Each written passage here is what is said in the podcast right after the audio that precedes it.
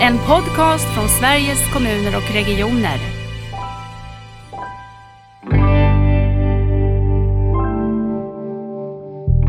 Det har jag ju tittat på i min egen disciplin och det är inga undanträngningseffekter överhuvudtaget. Tvärtom så har ju det här lett till att vi har minskat köerna för el elektiv elkonvertering. Det är lite grann uthålligheten i goda som ibland tappas bort i sjukvården. Att vi sätter igång någonting som är bra och sen så kommer det någon slags organisationsförändring eller man ska spara på någonting och så läggs det ner.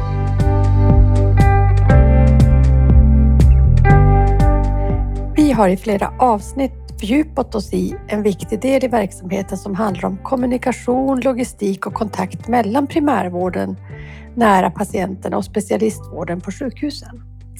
Och vi har tidigare bland annat fått höra om hur man har öppnat nya kontaktvägar i Region Jönköpings län och om digital hjärtrond i Västra Götaland. Och I det här avsnittet så ska vi förflytta oss till Skåne och träffa Patrik Thydén som är kardiolog och tillförordnad verksamhetschef för hjärt och lungmedicin på Skånes universitetssjukhus. Och han har arbetat med att förbättra vårdflöden så tusentals patienter inte hamnar på akuten. Och det är verkligen viktigt och spännande. Så välkommen Patrik! Tack så mycket, roligt att vara här. Ja, men jätteroligt att du tar dig tid en sån här fredag morgon som det är när vi eh, spelar in den här podden. Berätta för, för både för mig och för lyssnarna eh, vem du är. Eh, ja, jag eh, är ju kardiolog och har jobbat med kardiologi eh, hela min karriär egentligen. Började som ST-läkare på Skånes universitetssjukhus 1996. Utbildad i Lund men uppvuxen i norröver som man kan höra på min dialekt och återkom till Skåne och gick gymnasiet i Helsingborg och sen, som sagt medicinstudier i Lund och sen varit trogen Skånes universitetssjukhus sedan SD på båda orterna, både Malmö och Lund. Norröver, vad är norröver för dig? Ja, Värmland, Göteborg, mm. Småland. Det är relativt eh, nära men ändå. Mm. Vad gör du när du inte är på jobbet? Hur ser ditt, ditt övriga liv ut? Ja, jag har tre söner. Den äldsta läser medicin, en är på väg eh, in i ekonomi och eh, den yngsta minstingen på 16 läser naturvetenskaplig linje på gymnasiet. Eh, sen försöker jag hålla mig igång som de flesta med eh, löpning och lite träning och annat och socialt umgänge. Läser rätt mycket, mycket intresserad av skönlitteratur. Tycker det mm. breddar upp vyerna lite grann. Och då får vi ett boktips så här inför julhelgerna. Ja, det ska vi fundera lite grann på. Jag har några på gång. Just nu är jag inne rätt mycket i historiska beskrivningar och plöjer igenom Dick Harrisons alla, alla historia. Mm. Du, jag tänkte så här när jag ska prata med dig att är det något speciellt med hjärtsjukvård? För vi har haft en del exempel just från hjärtsjukvården med i podden. Är ni särskilt bra på att eh, tänka nytt och jobba med förändringsarbete eller är det slumpen? Ja, det är ju det är klart att kardiologer är extra innovativa. Det måste jag ju svara på eftersom jag är kardiolog. Nej, jag vet inte kanske om det just är sant men jag tror att det kan ligga lite grann i det för att kardiologin eh, har ju alltid hanterat stora folksjukdomar och mycket patienter med allvarliga sjukdomar och, och det gör ju att logistik och hur man tar hand om dem blir viktigt. Jag menar, om man tittar tillbaka redan på 60-70-talet så inrättade man ju speciella hjärtintensivvårdsavdelningar eller det som anglosaxiska länder kallas för coronary care units och kom till Sverige också. Och sen har vi ju ambulans-EKG för att sortera patienterna rätt kommer ju tidigt i Sverige också att man liksom bypassar då akutmottagningarna vi har varit tidigt ute i eh, nationella kvalitetsregister, uh, Swedheart och så för att följa upp data och så. så det, det är mycket patienter och logistik och hur man tar hand om det har ju stor betydelse. Och mm. ska man svälja de stora volymerna så det tror jag kan ha bidragit till att kalorierna har legat ganska långt fram i innovation av flöden och utveckling av vård. Mm tänker vad viktigt. Det måste säkert eh, påverka både överlevnad att eh, ha en bra logistik tidigt i en, i en akut hjärtsjukdom. Men jag tänker också som patient att eh, vi underlättar om man behöver mycket kontakter med hälso och sjukvård. Ja absolut, organisation är ju viktigt för överlevnad det har man ju sett inte minst i Region Skåne när det gäller kardiologin. Vi omstrukturerar ju vården och nivåstrukturerade den för 10-11 år sedan och det hade ju en markant eh, effekt på 30 eh, dagars mortaliteten som sjönk och mm. den ligger ju nationellt sett fortsatt lägst i Sverige. Pratar vi om det? Jag tycker det där är ju ett spännande, alltså också organisation, verksamhet, eh, eh, ledarskaps betydelse för överlevnad och kvalitet för patienterna, outcome för patienterna. Ja, alltså egentligen så kan jag ju tycka att det är självklart. Det är som jag brukar säga, om vi nu har en hjärtintensivvårdsavdelning med fullt med fina maskiner och eh, övervakningsutrustning och eh, så hjälper ju inte det om inte logistiken fungerar så att patienterna kan komma på rätt nivå i rätt tid. Alltså för mig är ju flöden, sortering, logistik, eh, eh, vårdnivå eh, extremt viktigt för att vi ska kunna erbjuda patienterna det som de behöver. Så att det är ju precis lika viktigt som att ha rätt mediciner, rätt medicinteknik och så vidare och naturligtvis rätt utbildad personal och så men logistik och flöden och sortering är ju helt avgörande. Mm.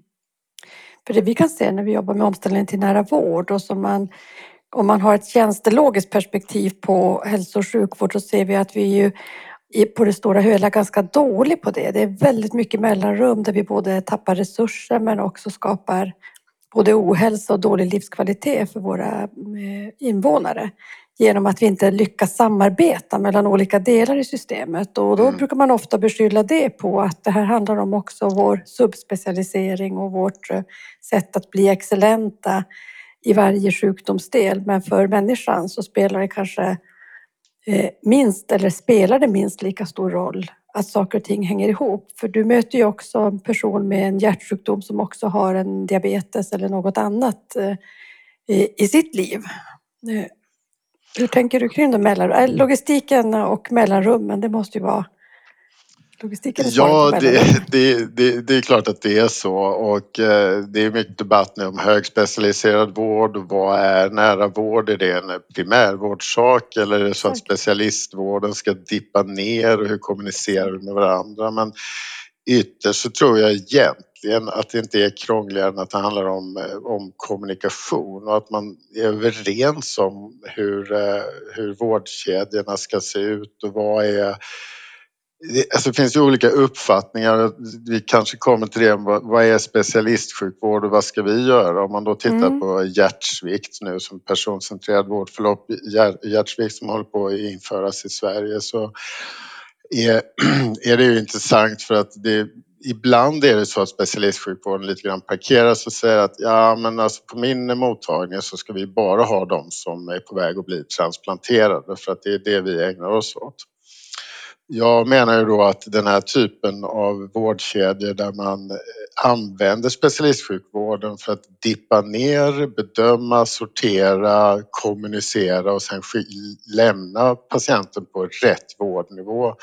Där man liksom jag vet inte, dippa ner om du förstår vad jag menar. Att man liksom mm. tar in en patient och sen så, ja men nu har du som i det här exemplet nydebuterad hjärtsvikt. Och mm. Då tittar vi på dig och vi sätter in rätt mediciner. Du hamnar i den här risknivån. Nu kan vi skicka dig ut till primärvården eller du kan gå på den liksom lokala eh, internmedicinska sviktmottagningen. Eller du får helt enkelt stanna här för att du är så sjuk så att du måste bli här på högspec. Det tycker jag är en väldigt sympatisk tanke. Och ibland kan jag tycka att min egen disciplin eh, att man lite grann eh, tänker att eh, alltså det, vi behöver, alltså, det, det, handlar om att göra rätt sak i rätt tid. Men om man mm. tar det här med hjärtsvikt så hör man ju då att ja, men det är 40 000 nya ekokardiografiska undersökningar som ska göras. Okay. Och hur ska vi nationellt då, hur ska vi då mäkta med det här och var får vi plats med dem? Och där har vi haft en diskussion där jag menar att om man tittar på Region Skåne kanske 10 procent är 4 000 till och sanningen är Mm. att vi gör ju ändå de här ekokardiografiska undersökningarna på de här patienterna men vi gör dem för sent, vi gör dem vid fel tillfälle. Mm. Och då, som jag brukar argumentera, det är väl bättre att vi gör dem när de debuterar och bedömer dem så vi kan sätta in rätt medicin än att vi gör dem när de dyker upp på akutmottagningen ett år med fördröjd diagnos och de har stått i en kö någonstans. Så att egentligen så handlar det inte om att göra mer, det handlar om att göra Ja, rätt, Rätt. sak vid rätt tid, Ja. tänker jag ju faktiskt. Just det. Det är ju jättespännande. Du pratar också om vårdnivåer. Ibland har jag tänkt att det kanske är lite lurigt också med nära vårdreformen. Att Eh, det är lätt att säga att det här är en primärvårdsreform, vilket det absolut inte i, mina, i min förståelse är. Utan det här är ju en reform för att vi ska göra det ännu mycket bättre i svensk hälso och sjukvård och använda resurser och kapaciteter och kunskaper från alla vårdens olika delar mer effektivt och mer rätt. Men vilken är din relation till omställning till nära vård, förutom det du redan har sagt och så? Eh, ja, eh, det är, ett, det är ett ganska stort ämne och det är klart att jag sitter ju nu på ett universitetssjukhus just och, och jag har hand om eh, högspecialiserad vård. Men jag håller ju helt med dig om att det, handlar ju om att ge rätt vård på rätt ställe och i närheten av patienten. Och vi pratar ju om eh, SUS hemma nu, Skånes universitetssjukhus hemma. Och jag håller fullständigt med om att det kan vara väl så högspecialiserat i vissa avseenden att komma hem till en patient om det nu handlar om att eh, ja, jag ska ta för exempel skruva på en, eh, en hjärtpump för att det är bättre för patienten att vi åker dit och gör det eller det handlar om enkel antibiotikainsatser och sånt och då är man ju tillbaks till det att jag ser ju specialistsjukvården som att den behöver röra sig i de här vårdnivåerna lite grann för att förhindra också att det blir specialistsjukvård. Där har vi ett ansvar faktiskt Mm. som jag menar att vi måste ta och det handlar ju ytterst om att ge patienten eh, rätt bedömning och rätt vård i rätt tid och eh, då på rätt lokal också efter patientens förutsättningar. Mm. Som har ju allt att göra med vård i hemmet, dagvård, eh, ända upp då till en, en fullskalig intensivvårdsavdelning. Mm. Jag tänker det är väl det där att eh, om man tar ett medarbetarperspektiv så blir det ju en helt annan kontext att jobba i. För vi har ju också varit väldigt vana vid att eh, Eh, vi går till vår arbetsplats och den är ett, ett hus på det stora sjukhuset. Och nu kanske man jobbar både där men också i hemmet om man jobbar mer mobilt till exempel. Men jag hör ju ingen av de medarbetare som vågar prova det här och som inte tycker att det är utvecklande och roligt. Vad är din erfarenhet?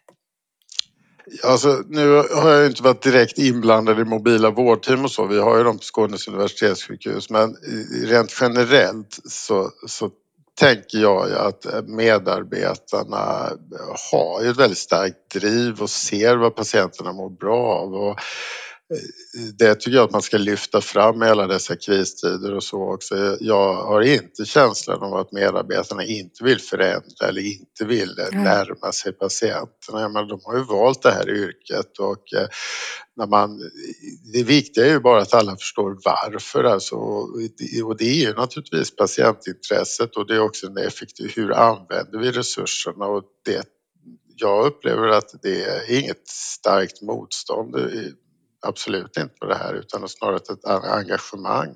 Mm. Sen är det ju krångligt som du själv varit inne på att reda ut gränssnitt. Va? Vad är primärvårdens ansvar? Vad är Mm. kommunens ansvar? Vad är det lilla sjukhuset och det stora sjukhuset? Och där tror jag att vi måste vara tydligare kanske och framförallt kommunicera som en helhet med varandra. Mm. Och samtidigt vara väldigt öppna för att jag tänker att de där gränserna kommer ju hela tiden att förflytta sig. För det har de ju Mm. gjort om man tittar bara bakåt. Eh, Behöver inte titta så många år så kanske det som vi absolut inte tänkte kunde göras hemma, precis som du säger, Mm. idag görs hemma. Kanske till och med av patienten själv. Mm. Eh, Så Så det blir verkligen en nära vård när Ja. vi lyckas med det, att patienten fixar och grejer själv. Ja, det finns ju en fantastisk film just om hjärtsvikt. Det du säkert sett som var på Mm. SVT om egenmonitorering. När Ja. Hon säger min dödsångest har försvunnit. Det måste ju vara det bästa kvitto man kan få på en, ett, en innovation i hälso och sjukvård, tänker jag. Maggie Jo, det i. Tek Mm. teknikutvecklingen är ju fantastisk och det, det, den, den, kommer, ju- den har räddat eh, oss förr och den, jag tror den kommer rädda oss igen. Man säger att det är dyrt med nya behandlingsmetoder och monitoreringar men eh, det är ju framtiden. Det är ju framtiden. Att tusentals personer inte behöver ligga där på britsar på en akutmottagning och vänta. Eh, det är ju det som eh, ert arbete bland annat handlar om. Berätta om det. Vad är det ni har gjort? Omställningen av akuta vårdflöden.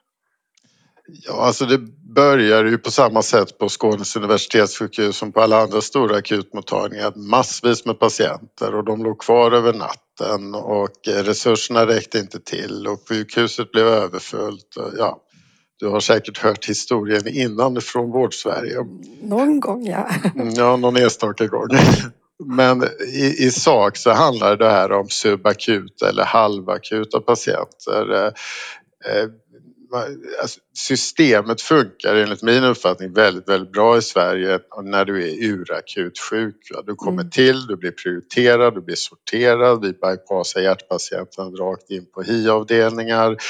Neuro har sina snabbspår eh, och Mm. hamnar man på akuten är svårt sjuk och larmklockorna går, va, man blir, man blir direktsorterad. Men sen finns det ju en väldigt stor grupp patienter som är, ja de behöver en punktinsats från vården och de behöver den relativt fort men det finns liksom inget system för att hamna rätt. Och det kan vara allting från ett förmaksflimmer som då har debuterat om man tar min egen disciplin och det finns många andra exempel. Och de här patienterna kommer till akuten och de blir nedprioriterade och nedprioriterade och nedprioriterade med ofta väldigt långa väntetider fast de de facto behöver en vårdinsats men Mm. den är inte akut. Så det var ju utgångspunkten då lite grann att de här patienterna kanske vi kan fixa på ett annat sätt.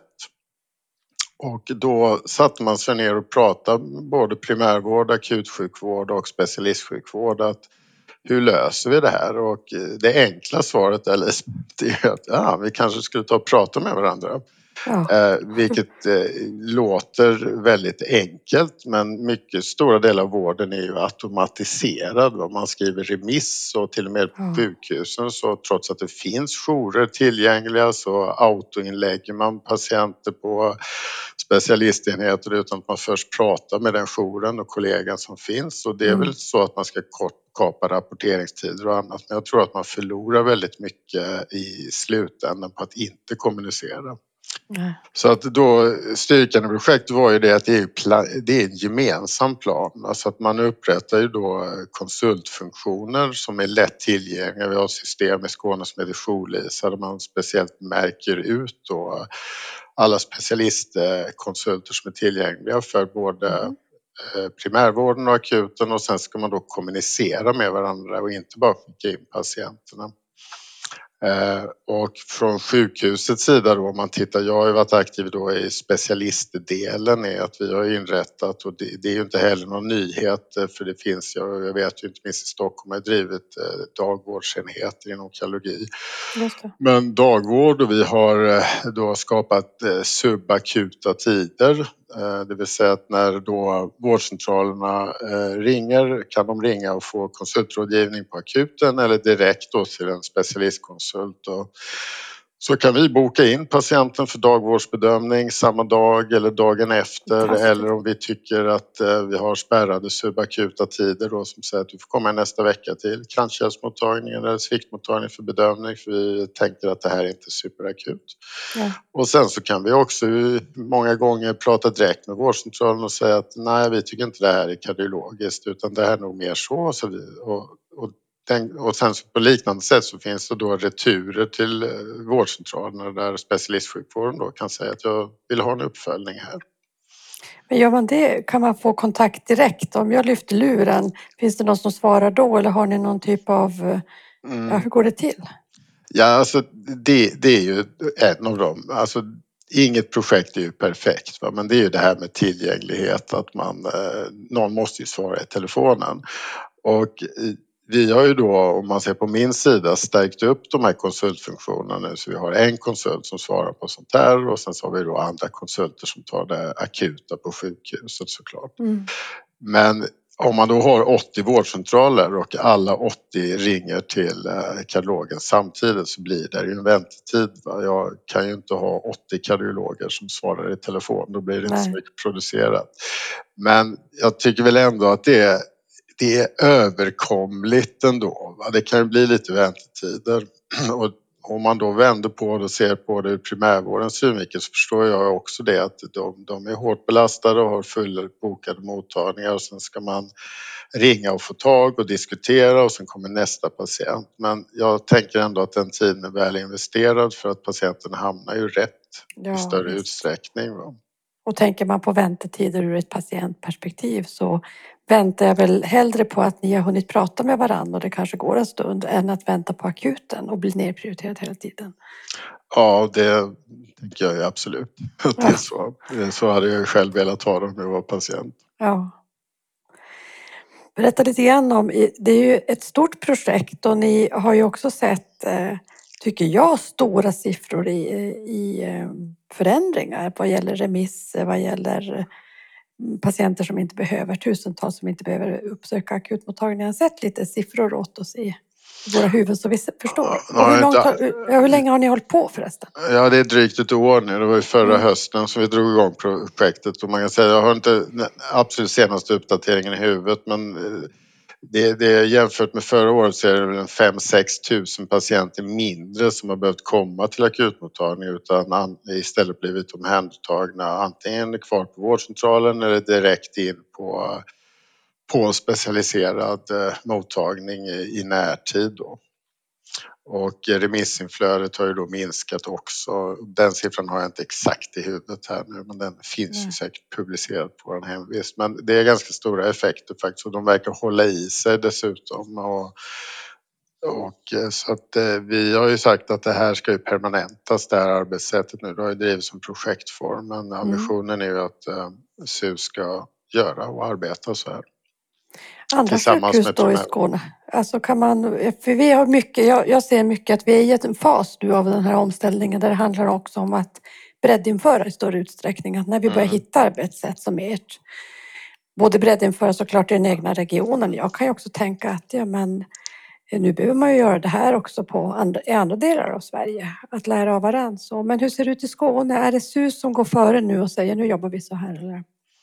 Ja, projektet startade ju eh, på SUS och med eh, de vårdcentraler som är associerade till SUS. Det är ett stort intresse dock och jag vet att det har varit mindre projekt på en del av de eh, mindre sjukhusen också med eh, digitalt stöd. Trelleborgs lasarett har till exempel haft digitalt stöd med primärvården. Och, så att det puttrar ju lite grann eh, överallt och jag vet ju att det är många andra sjukhus i Skåne som har tagit kontakt och är väldigt intresserade av konceptet så att jag tänker att det kommer sprida sig.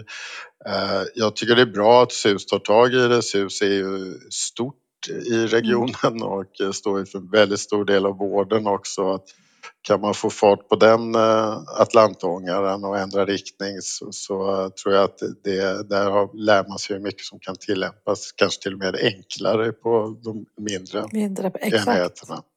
Jag tänkte när du säger det här om, om relationer och prata med varann, att det egentligen är så enkelt, så tänker jag det är någon klok som har sagt någon gång att allt handlar om relationer. Och då har ju ofta de mindre orterna faktiskt ett försprång för man eh, är närmare varandra, man, man käkar tillsammans och man möts på ett annat sätt än man gör på ett universitetssjukhus. Kanske mellan Ja. specialiteter och, och uh, yrken. Och, Ja absolut och jag menar det eh, vårdformer, nya vårdformer kan ju naturligtvis plockas fram på alla enheter men jag tycker ju att vårdformer och hur man samarbetar i eh, universitetssjukhuset ska ju vara ledande i forskning och utveckling och att utveckla vårdformer och logistik är också viktigt att universitetssjukhusen tar ansvar för. Mm.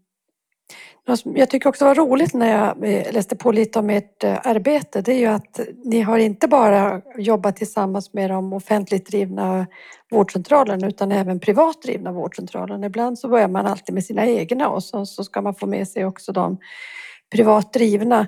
Och jag tänker ni måste ju ha också ett ganska stort antal med en så stor region. Hur har det varit? Var det självklart för er att jobba med alla utförare?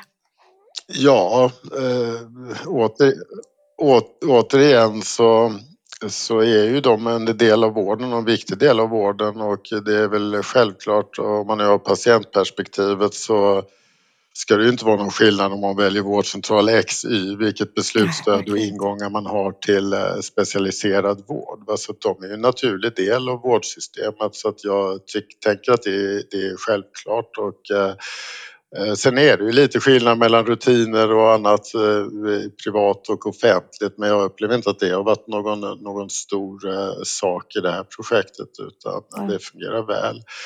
Eh, återigen, man måste ju kommunicera med alla som hanterar patienterna och ur patientperspektiv är det ingen skillnad. Nej.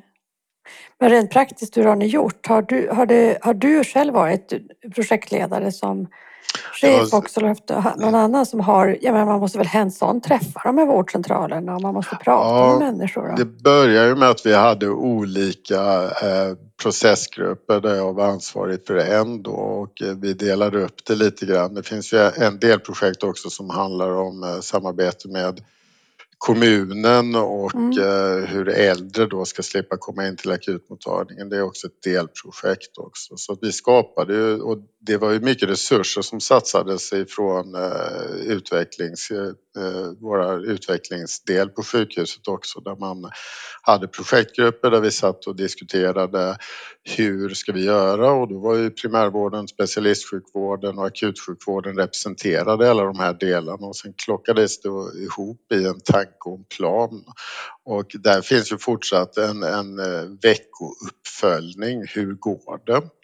Det. Och där man tittar då på att vi har gjort ett avvikelsesystem. Det låter ju tråkigt alltid med avvikelsesystem men där man kan lämna in alltså vad har inte funkat i veckan till exempel. Nu, nu fick inte vi tag i kalorjouren och eh, så. Ja. Och patienten blev felsorterad och då är det inte så att vi går in på specifika individhändelser utan det är fritt att lämna in och det är ju naturligtvis så att ser man att det är en sån här sällan händelse, det var upptaget i telefonen. Ja, det kan mm. vara upptaget i telefonen och många ringer, det är som ingenting. Men ser man då att det är ett mönster, att till exempel remisserna helt plötsligt ökar från en vårdcentral, att här skickar man helt plötsligt jättemycket remisser rakt in till akutmottagningen, utan då går man ut och så pratar man och återkopplar till den vårdcentralen.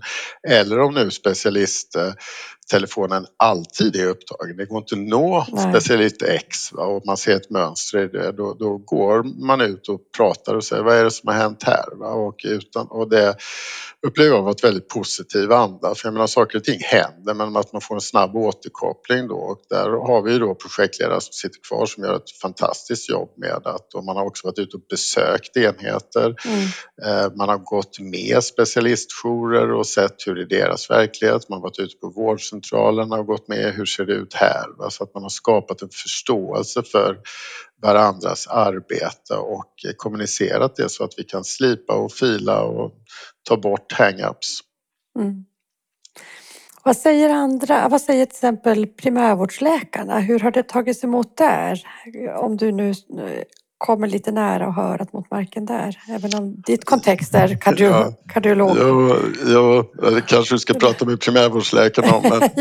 Nej, alltså mitt upplev, alltså, det, det, är klart att jag förstår ju också att på ett sätt skapar det här ett merarbete för primärvården. Om man nu ska vara lite krass så om man har en fullbokad mottagning och nästa patient, nästa patient kommer så kan det vara snabbare och enklare att säga du ska till akuten. Så, nu mm. tar jag nästa patient. Ja. Här behöver man ju då ringa upp, det ska svaras i telefon, man ska diskutera men jag, jag upplever ju ändå att primärvården har tyckt att det här är bra, de får eh, hjälp med eh, med, de hanterar ju alla diagnoser och vissa mm. frågor som vi kan besvara väldigt enkelt, det förstår jag att det kan vara klurigare naturligtvis.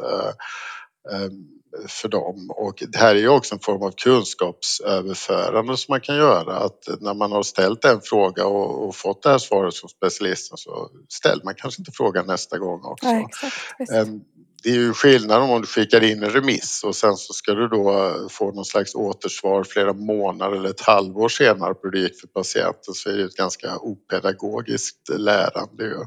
Mm. Här, här här tänker jag att det finns en kunskapsöverförande också där man kan prata med specialister och akutläkare direkt och eh, vi har ju dessutom lära av primärvården hur deras system och uppföljning går när vi kommunicerar tillbaks då. Så att, eh, Ja, självklart. ja, jag tänker att eh, kommunikation är rätt bra Lisbeth.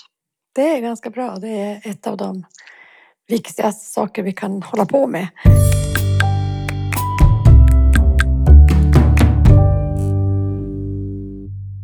Jag tänkte också på åt andra hållet, sa du det, att om eh, vi har börjat se allt fler gör såna skörhetsskattningar av sina patienter i primärvård, de som är allra skörast. Och innan man gör det där så brukar ofta man svara att eh, nej, men vi har koll på vilka det är.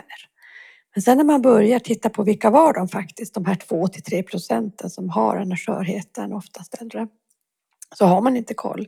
Och då kan det ju handla om att de här personerna kanske inte är så mycket i primärvården. Eh, De landar på akutmottagningen och kanske landar hemma tillbaka igen. Och då tänker jag också den här andra, ja men här har vi en patient som har kommit till oss. Den den tillhör er hälsocentral eller er vårdcentral eller Mm. är listad på dig som Mm. läkare. Finns den kontakten? Det kanske du sa, men finns den här andra, andra Mm. vägen? Nej, inte specifikt så, men eh, eh, just med frailty eller skörhet då. Och det är ju en eh, extremt viktig fråga som du tar upp för att när vi detekterar de här sköra patienterna i sjukvården så finns det inte riktigt något system, tycker jag, som fångar upp dem egentligen. Jag menar, vi har infört skörhetsbedömningar som obligatoriskt till exempel med TAV eller aortaklaffsbyten och sånt att det ska eh, genomföras. Vi vet vilka det ingår i den multidisciplinära konferensen att det ska tas upp. Och sen så vidtar vi då resurser runt om där och sen vad som händer sen när man liksom har identifierat och bytt den här hjärtklaffen och Mm. då vet vi att den här patienten är skör. Men där vet jag inte om vi är så här superbra på att uppmärksamma det vidare utan där är det nog fortsatt så att då känner vi oss nöjda med att vi har tagit hand om den här patienten. Nöjda är vi ju inte men Jo, ja, det, jag det, det det. gick ju bra där och vi har eh, gjort vårat nu.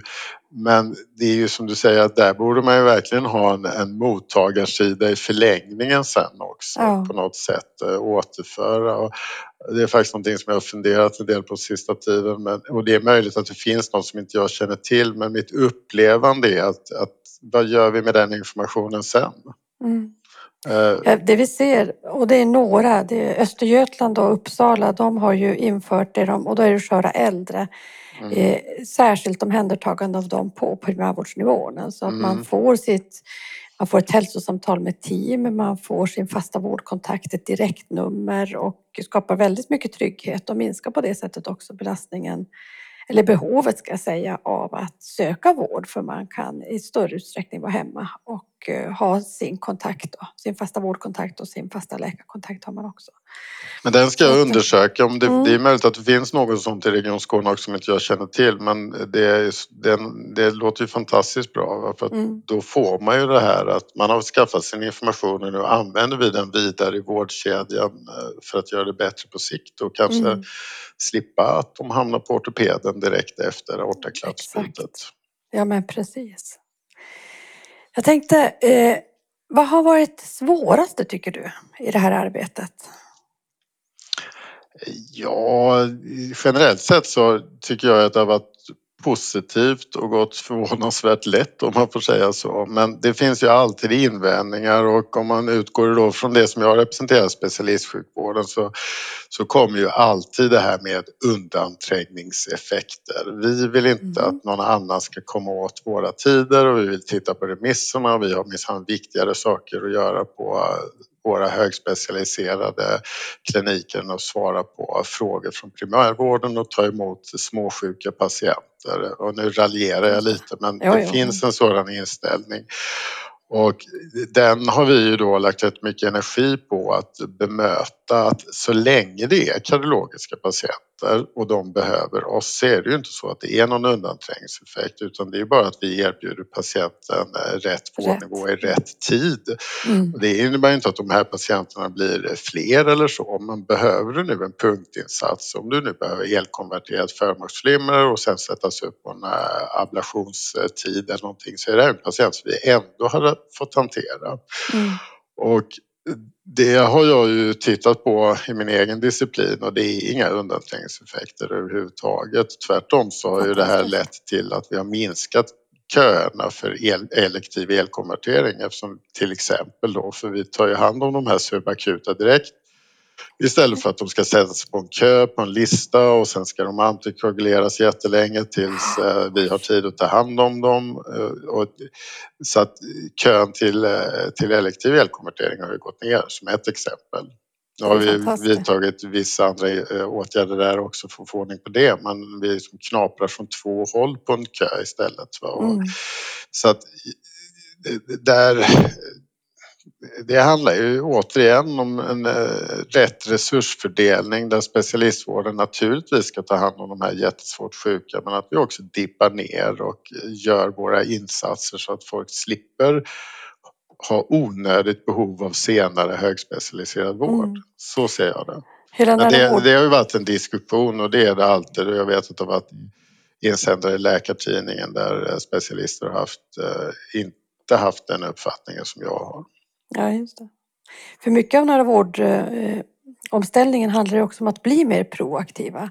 Mm. Och då handlar inte det bara om att jobba primärpreventivt med stora folksjukdomar utan faktiskt precis det du beskriver. Att kan vi jobba tidigare innan jag har behövt innan jag behöver gå på långvariga antikoagulantia mm. för mm. att eh, eh, vänta på min elkonvertering. Så det är klart att det är ju otroligt mycket vunnet för så ja. många. Ja, det finns ju många. Nu, nu tjatar jag ju kalori här, men det är ju mitt huvudämne. Men det är ju samma som eh, non-STEM, alltså icke-ST-höjningsinfarkt där man eh, under lång tid la in patienterna. Alla visste att de behövde bli angiograferade och alla visste att de behövde ha en stent i sitt plack för att kunna gå hem och vi höll på att prioritera de här patienterna. Vi hade Grace-score och de låg och väntade på angiografi. Det var inte så att, de, att vi skulle göra fler och. Där var vi tidigt och sa men om nu de här patienterna ändå behöver en stent. Varför skapar vi inte ett system då att alla blir gjorda inom 24 timmar? Så slipper de få en massa blodförtunning och sen slipper de ta slutenvårdsplats och vet ni vad, då kan vi skicka hem dem istället. Och patienten har ju ingen önskan att ligga fem, sex, sju dagar och vänta på någonting. Verkligen och, och återigen, det är, ju, det är ju inte så att det är fler patienter vi ska göra. Vi ska bara dimensionera systemet så att vi gör rätt sak, alltså flytta resurserna så vi gör rätt sak i rätt tid. Och då mm. frigör vi ju också resurser i slutändan mm. eh, till de som verkligen då behöver ligga på sjukhuset i en vecka. Och så låter vi människor få leva livet istället för att ligga hos oss och vara... Eh, absolut, det är ju ja. inte så jättekul att ligga på sjukhus om man kan slippa det, tänker Nej. jag. Nej, verkligen inte. Eh, har du andra vinster du vill lyfta fram så där som du känner? Du har varit inne på det här med att inte vänta på sin elkonvertering och det du berättade nyss också. Ja, alltså om man nu pratar ur mitt perspektiv så är det ju en mängd. Jag menar det här med dagvårdsenheter där man kan komma och bli bedömd och kanske behandlad över dagen eller inlagd eller hemskickad. Det, ju, det, det finns ju många användningsområden på det.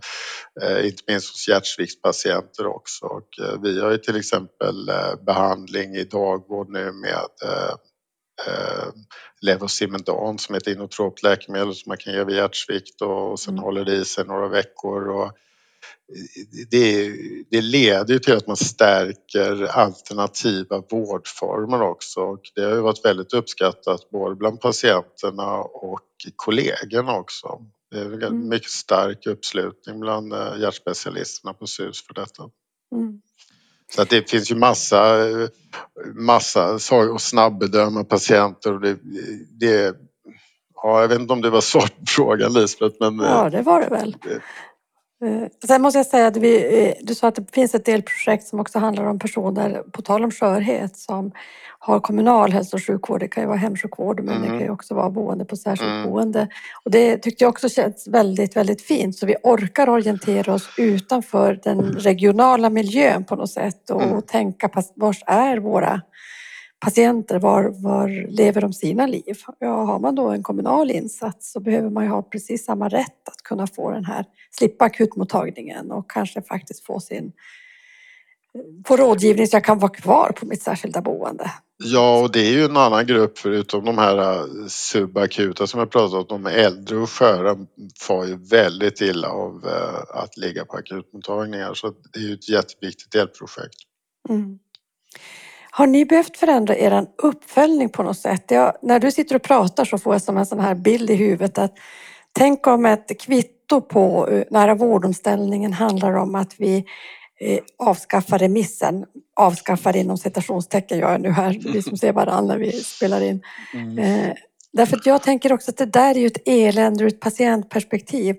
Eh, svaret man får när man kommer på en instans är att vi skickar en remiss och jag går hem och tänker kom den där remissen iväg och nu har jag väntat länge, har de verkligen fått den? Och sen blir man i en kö och så känner man sig helt utelämnad. Men ansvaret har på något sätt eh, skickats vidare och då står man lite i ett vakuum eh, som patient.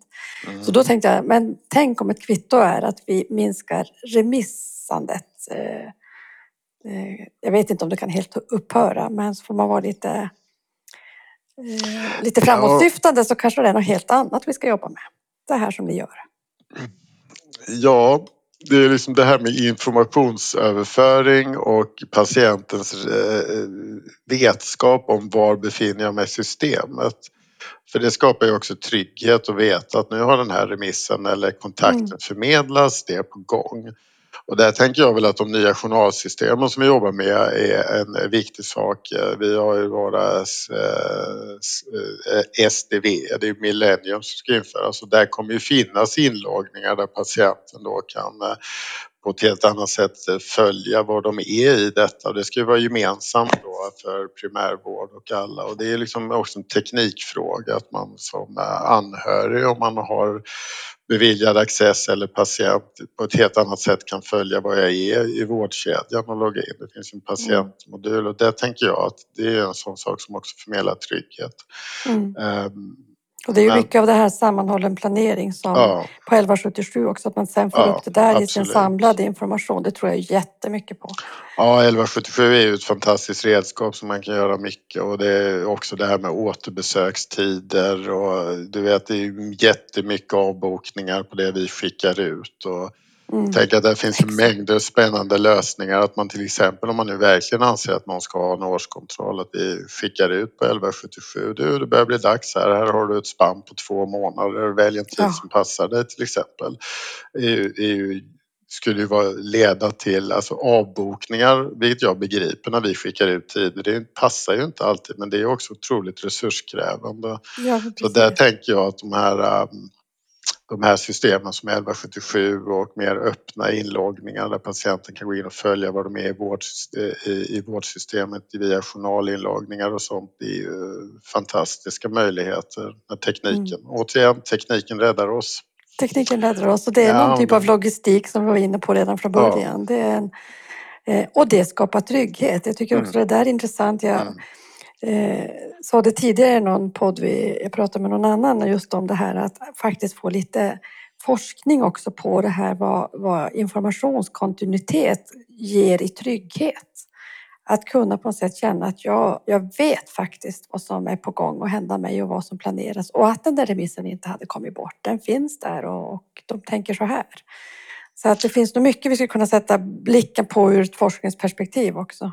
Absolut, och menar, det är ju inte konstigt om man är sjuk så vill man gärna ha kontroll och man vill veta. Det skapar ju trygghet. Ja. Att jag är omhändertagen, det är lugnt, de, de är på bollen. Och då tror jag också att vi skulle ju slippa väldigt mycket ingångar av oroliga patienter som också konsumerar resurser Precis. när vi hela tiden ska svara i telefon och vi ska boka om och vi ska hålla på. Utan involvera patienten och informera patienten via olika system så, så känner ju patienten den relationen och tryggheten. Vi är engagerade, mm. vi har koll på dig, det är lugnt. Mm. Det tror jag är superviktigt. Mm. Jag tänker det att eh, bara du tar upp det här med ombokningen av tider som man blir kallade till. Det är ju på tal om onödig administration. Det är verkligen någonting som vi skulle behöva göra någonting av. Plus att det tar ju mycket tid för den enskilda att sitta och mm. passa den här telefontiden som man får ringa på för att säga nej men den där tiden ni skickade den passar mig inte alls. Mm. Ja men då skickar vi en ny. Ja men det går ju inte för den kommer inte heller att passa och så är vi mm. inne i någonting. Ja visst, eh. men det nationalekonomiskt kan jag säga att det är inte bara sjukvården. De här, många av de här människorna har ju andra saker att sköta naturligtvis. Man har ju jobb och släkt och vänner och sen ska man sitta en hel förmiddag för att omboka en tid. Det är ju, det är ju egentligen fullständigt absurt. Ja, det är my, mycket inkomstbortfall på den. Oj, det är det. Jag tänkte, du, har, du är ju själv chef, eh, men hur har regionledningen och politikernas roll sett ut i ert arbete? Eh, har de varit drivande eller har du lite efterhand sagt här har vi någonting? Var, var, var har du dem? Ja, jag kan säga att om man tittar i lilla perspektiv så har ju SUS förvaltningsledning och förvaltningschef med biträdande varit väldigt drivande och eh, drivit det här projektet och eh, Eh, jag tror ju utan att ha kännedom om det att politikerna är ju naturligtvis nöjda och säkert regiondirektören också om vi sparar resurser på, eh, på eh, akutmottagningen och vi effektiviserar vårdflödena för att det blir ju bättre för patienterna och det blir billigare i slutändan. Så jag kan inte tänka mig annat än att de är nöjda med det. Men det har ju varit en väldigt stark uppslutning ifrån SUS förvaltningsledning och primärvårdsledningarna att, mm. Eh, att stötta det här projektet. Man har varit ganska överens om att det här är bra. Mm. Sen mm. tänker jag ju det att det är ju våran sak i sjukvården och driva bra projekt. Det kan man ju inte förvänta sig att politikerna man, alltså, det finns ju där också att nu har politikerna bestämt någonting och ja, alltså, det är ju vi som ska plocka fram bra idéer och visa upp att så här tycker vi och så. Jag menar politikerna är ju inte experterna så att det ligger ju på oss. Va? Och sen kommer det bra projekt så tänker jag ju ändå att uh, det blir ju accepterat och då får man ju mm. stöd om det är bra för patienterna. Mm. Det jag tycker är viktigt och bra, som vi bland annat gör nu, det är ju att, att berätta om det här. För jag kan tänka att det är tuffare ekonomiska tider, eh, en sån här omställning tar lång tid och då måste man ju som, eh, jag har alltid känt som tjänsteperson då att ett uppdrag man har också trygga politiken, att just det du säger, ja men det finns eh, otroligt mycket vilja att göra på nya sätt och när vi hittar någonting, berätta om det. Så att man också kan känna att jo, men det händer faktiskt. Och man kan kanske också som politiker ha en roll i att säga nu gör man det här så bra på, på SUS så att det här behöver vi också göra på fler ställen. Allt är kanske inte beställningar rent politiskt i en i någon typ av styrmodell eller, förvaltnings, eller en eh, övergripande regionplan. Men jag tror att vi har ett viktigt jobb att göra där, att också eh, inte bara beskriva det som inte funkar, för det eh, är vi ganska bra på i hälso och sjukvården och inte minst eh, är det som fyller tidningarna eh, inte så lika mycket om de här sakerna som faktiskt funkar. Alltså jag håller helt med där att dels är det så att jag kan också tycka att det målas en ganska svart bild av sjukvården och vilket ju i sig skapar för det första en, en våldsam otrygghet bland alla våra patientgrupper som behöver mm. vård och de tänker att gud, är det så här illa? Mm. Och det är det ju inte. Va? För att det finns otroligt mycket kraft och det finns förändringsvilja, det finns innovationsvilja, det kommer upp eh, massvis med goda idéer. Det som jag dock kan tycka är det som du är inne på att man behöver ju inte uppfinna hjulet överallt utan att man borde kunna samla in de goda exemplen och eh, titta på dem och det, det gäller ju allting. Det var som när vi skulle rigga om hjärtintensivvårdsavdelningen i Lund. Då åkte jag till Hannover och Köpenhamn och, mm. och liksom plocka på med saker för 10-15 år sedan som jag tyckte var bra och det gäller ju sådana här projekt, det finns ju massa här. Jag menar du pratade om Frailty innan och mm. var det Östergötland du sa? Östergötland och, ja. och Uppsala har tagit Östergötland ja. och gjort det till sig. Och. Ja, och där, nu ska jag undersöka den i Skåne, ja. men, men det är liksom, då kan man ju, hur gjorde ni? Och det tänker jag att det är lite grann uthålligheten i goda projekt som mm. ibland tappas bort i sjukvården. Mm. Att vi sätter igång någonting som är bra och sen så kommer det någon slags organisationsförändring eller man ska spara på någonting och så läggs det ner och sen så uppfinner vi hjulet. Så det är både över tid och fysiskt geografiskt som jag mm. tänker att vi kan bli bättre på att hålla i goda idéer och sprida goda idéer. Mm. Och eh, också förmedla att det är ju inte så att sjukvården bara parkerar sig i en hörna och tänker att nej men nu gör vi likadant som vi gjorde 1960 här. Det, det är ju helt enkelt inte en, en sann bild heller. Nej, verkligen inte. Ja men alltså så superintressant. Har vi missat något att prata om? Ja. Säkert Ja, massor. säkert en hel del. Men eh, ja, det finns mycket att säga om eh, sjukvård och organisation och samarbete. Ja. Så att, eh, Ja, nä- nästan en, ett eget samtal sen om ledarskap. För jag tänker mycket det vi har varit inne på handlar om ledarskap, kommunikation. mm, Alltså hur viktigt det är att ledarskap egentligen handlar om kommunikation, lyssnandet Ja. och berättandet. absolut, och sätta tonen också på att Ja. det, det, är faktiskt så att jag menar Istället för att säga att vi har inga pengar, så säga, tänk så mycket pengar vi har. Hur använder vi dem bäst? Hur, hur använder vi de här pengarna så att eh, jag menar, vi får en ganska stor säck pengar för att göra det goda och det rätta och Verkligen. ser man på det sättet så, så Mm. tror jag också att den ekonomiska medvetande, medvetandet ökar. Att gud, det är som, här har vi alla de här miljarderna. Hur använder vi dem nu på bästa sätt till bästa saker? Och det är ju ett annat sätt att se på ekonomi och Ja. rensa bort det som är onödigt, det som inte är vetenskapligt, det som Nej. är... Och, och där finns ju jättemycket att hämta in såklart. Mm. Och inte minst då vårdformerna, samarbetet. eh, Det finns tusen saker. Samlokalisering av verksamheter för att spara resurser istället för Mm. att sprida ut. Och, ja, men det finns ju massa sånt här som bubblar och kokar som folk har synpunkter på. Och hade vi genomfört allt detta så hade vi ju både sparat pengar och gjort det bättre för patienterna. Vilket jag Precis. tror är fullt möjligt faktiskt. Och haft roligare på jobbet. För jag blir sugen bara när du säger det. Så känner jag wow. Jag Jo, men, men förändring och förbättring och men det pratas mycket om arbetsmiljö men, och det är ju superviktigt men i- min, alltså gemensamma framgångar skapar en god arbetsmiljö. Det skapar Mm. engagemang, det skapar stolthet, vi är jätteduktiga på det här och den bilden tycker jag är viktigt att man förmedlar att det finns i sjukvården. Mm. Ja, så eh, bra. Det får nästan bli slutordet förutom att jag vill veta vad ordet nära betyder för dig. Eh, ja, det är, det är mycket. Men för mig ska man väl säga att eh, någonstans det är ärlig, genuin, engagerad. Eh, Det är någon, engagemang så. Det är nära, är, då är det engagerat. Va? Man, är, man är med. Lite grann åt det hållet skulle jag nog vilja lägga det. Lite mer filosofiskt, inte då bara nära sjukvård men det kommer ju in i det lite. Och Såklart. det finns engagemang och eh, närhet i sjukvården, definitivt. Mm. Stort tack för att du var med i Nära vårdpodden Patrik Thedéen. Ja, tack så mycket Lisbeth. Det var trevligt.